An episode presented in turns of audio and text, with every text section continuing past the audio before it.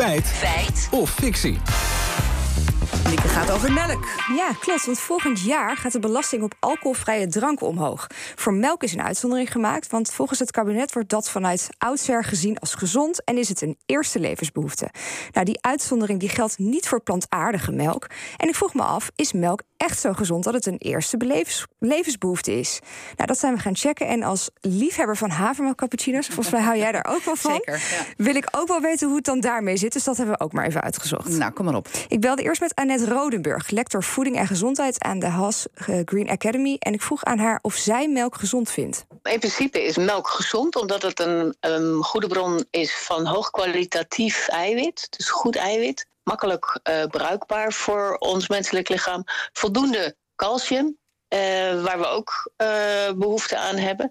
En verder zit er geen extra suiker aan toegevoegd. En is het verder een, een, eh, ja, een prima gezond product. Nou, er zitten dus veel goede voedingsstoffen in. Eh, is het ook echt een, een eerste levensbehoefte, zoals het kabinet zegt? Dat heb ik haar ook gevraagd. Een beetje wel, denk ik. De, er zijn natuurlijk, ik bedoel, zijn mensen die dat dan niet drinken. eh, maar die moeten dan hun calcium ergens anders vandaan halen. En als je dat uit andere bronnen moet halen, dan moet je dat uit noten halen of eh, eh, groenten. En die zijn doorgaans lager in calciumhoeveelheid. En dat heb je nodig voor sterke botten. Als je ja, onvoldoende calcium binnenkrijgt, dan, eh, dan ben je gevoelig voor botbreuken. Ja, Jaap Seidel, hoogleraar voeding en gezondheid aan de Vrije Universiteit in Amsterdam, denkt daar trouwens anders over. Nou, moedermelk is gezond en dat hebben baby's elke dag nodig. Uh, maar voor, bij volwassenen is het eigenlijk alleen maar een klein deel van de wereld die veel melk gebruikt. Hè. Dat zijn de mensen die in het noorden van Europa wonen en in de Verenigde Staten en zo. Die kunnen uh, de melksuikers goed uh, verwerken.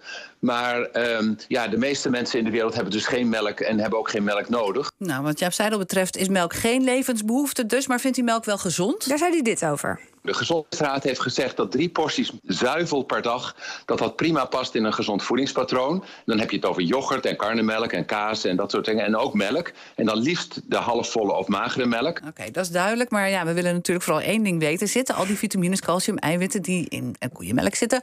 ook in onze geliefde havermelk? Nou, ik zal ons niet langer in spanning houden. De meeste plantaardige melkvervangers zijn geen goed, volwaardig alternatief voor melk. En dat komt omdat het eigenlijk te weinig voedingswaarde uh, heeft.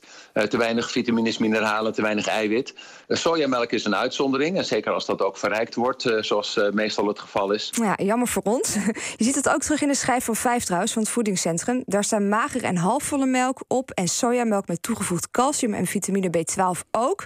Maar kokos, rijst en havermelk, die zijn nergens te bekennen. Oké, okay, dan uh, terug naar de kern. Uh, melk, koeienmelk, is dat een eerste levensbehoefte? Ja, het is gezonder dan de plantaardige alternatieven. Die bevatten meestal minder eiwitten en vitamines dan melk van een koe. Maar als je goed naar je voedingspatroon kijkt, kun je die voedingsstoffen prima ergens anders vandaan halen. Een korte levensbehoefte, dus echt een eerste levensbehoefte, is het eigenlijk niet. Dus uh, fictie.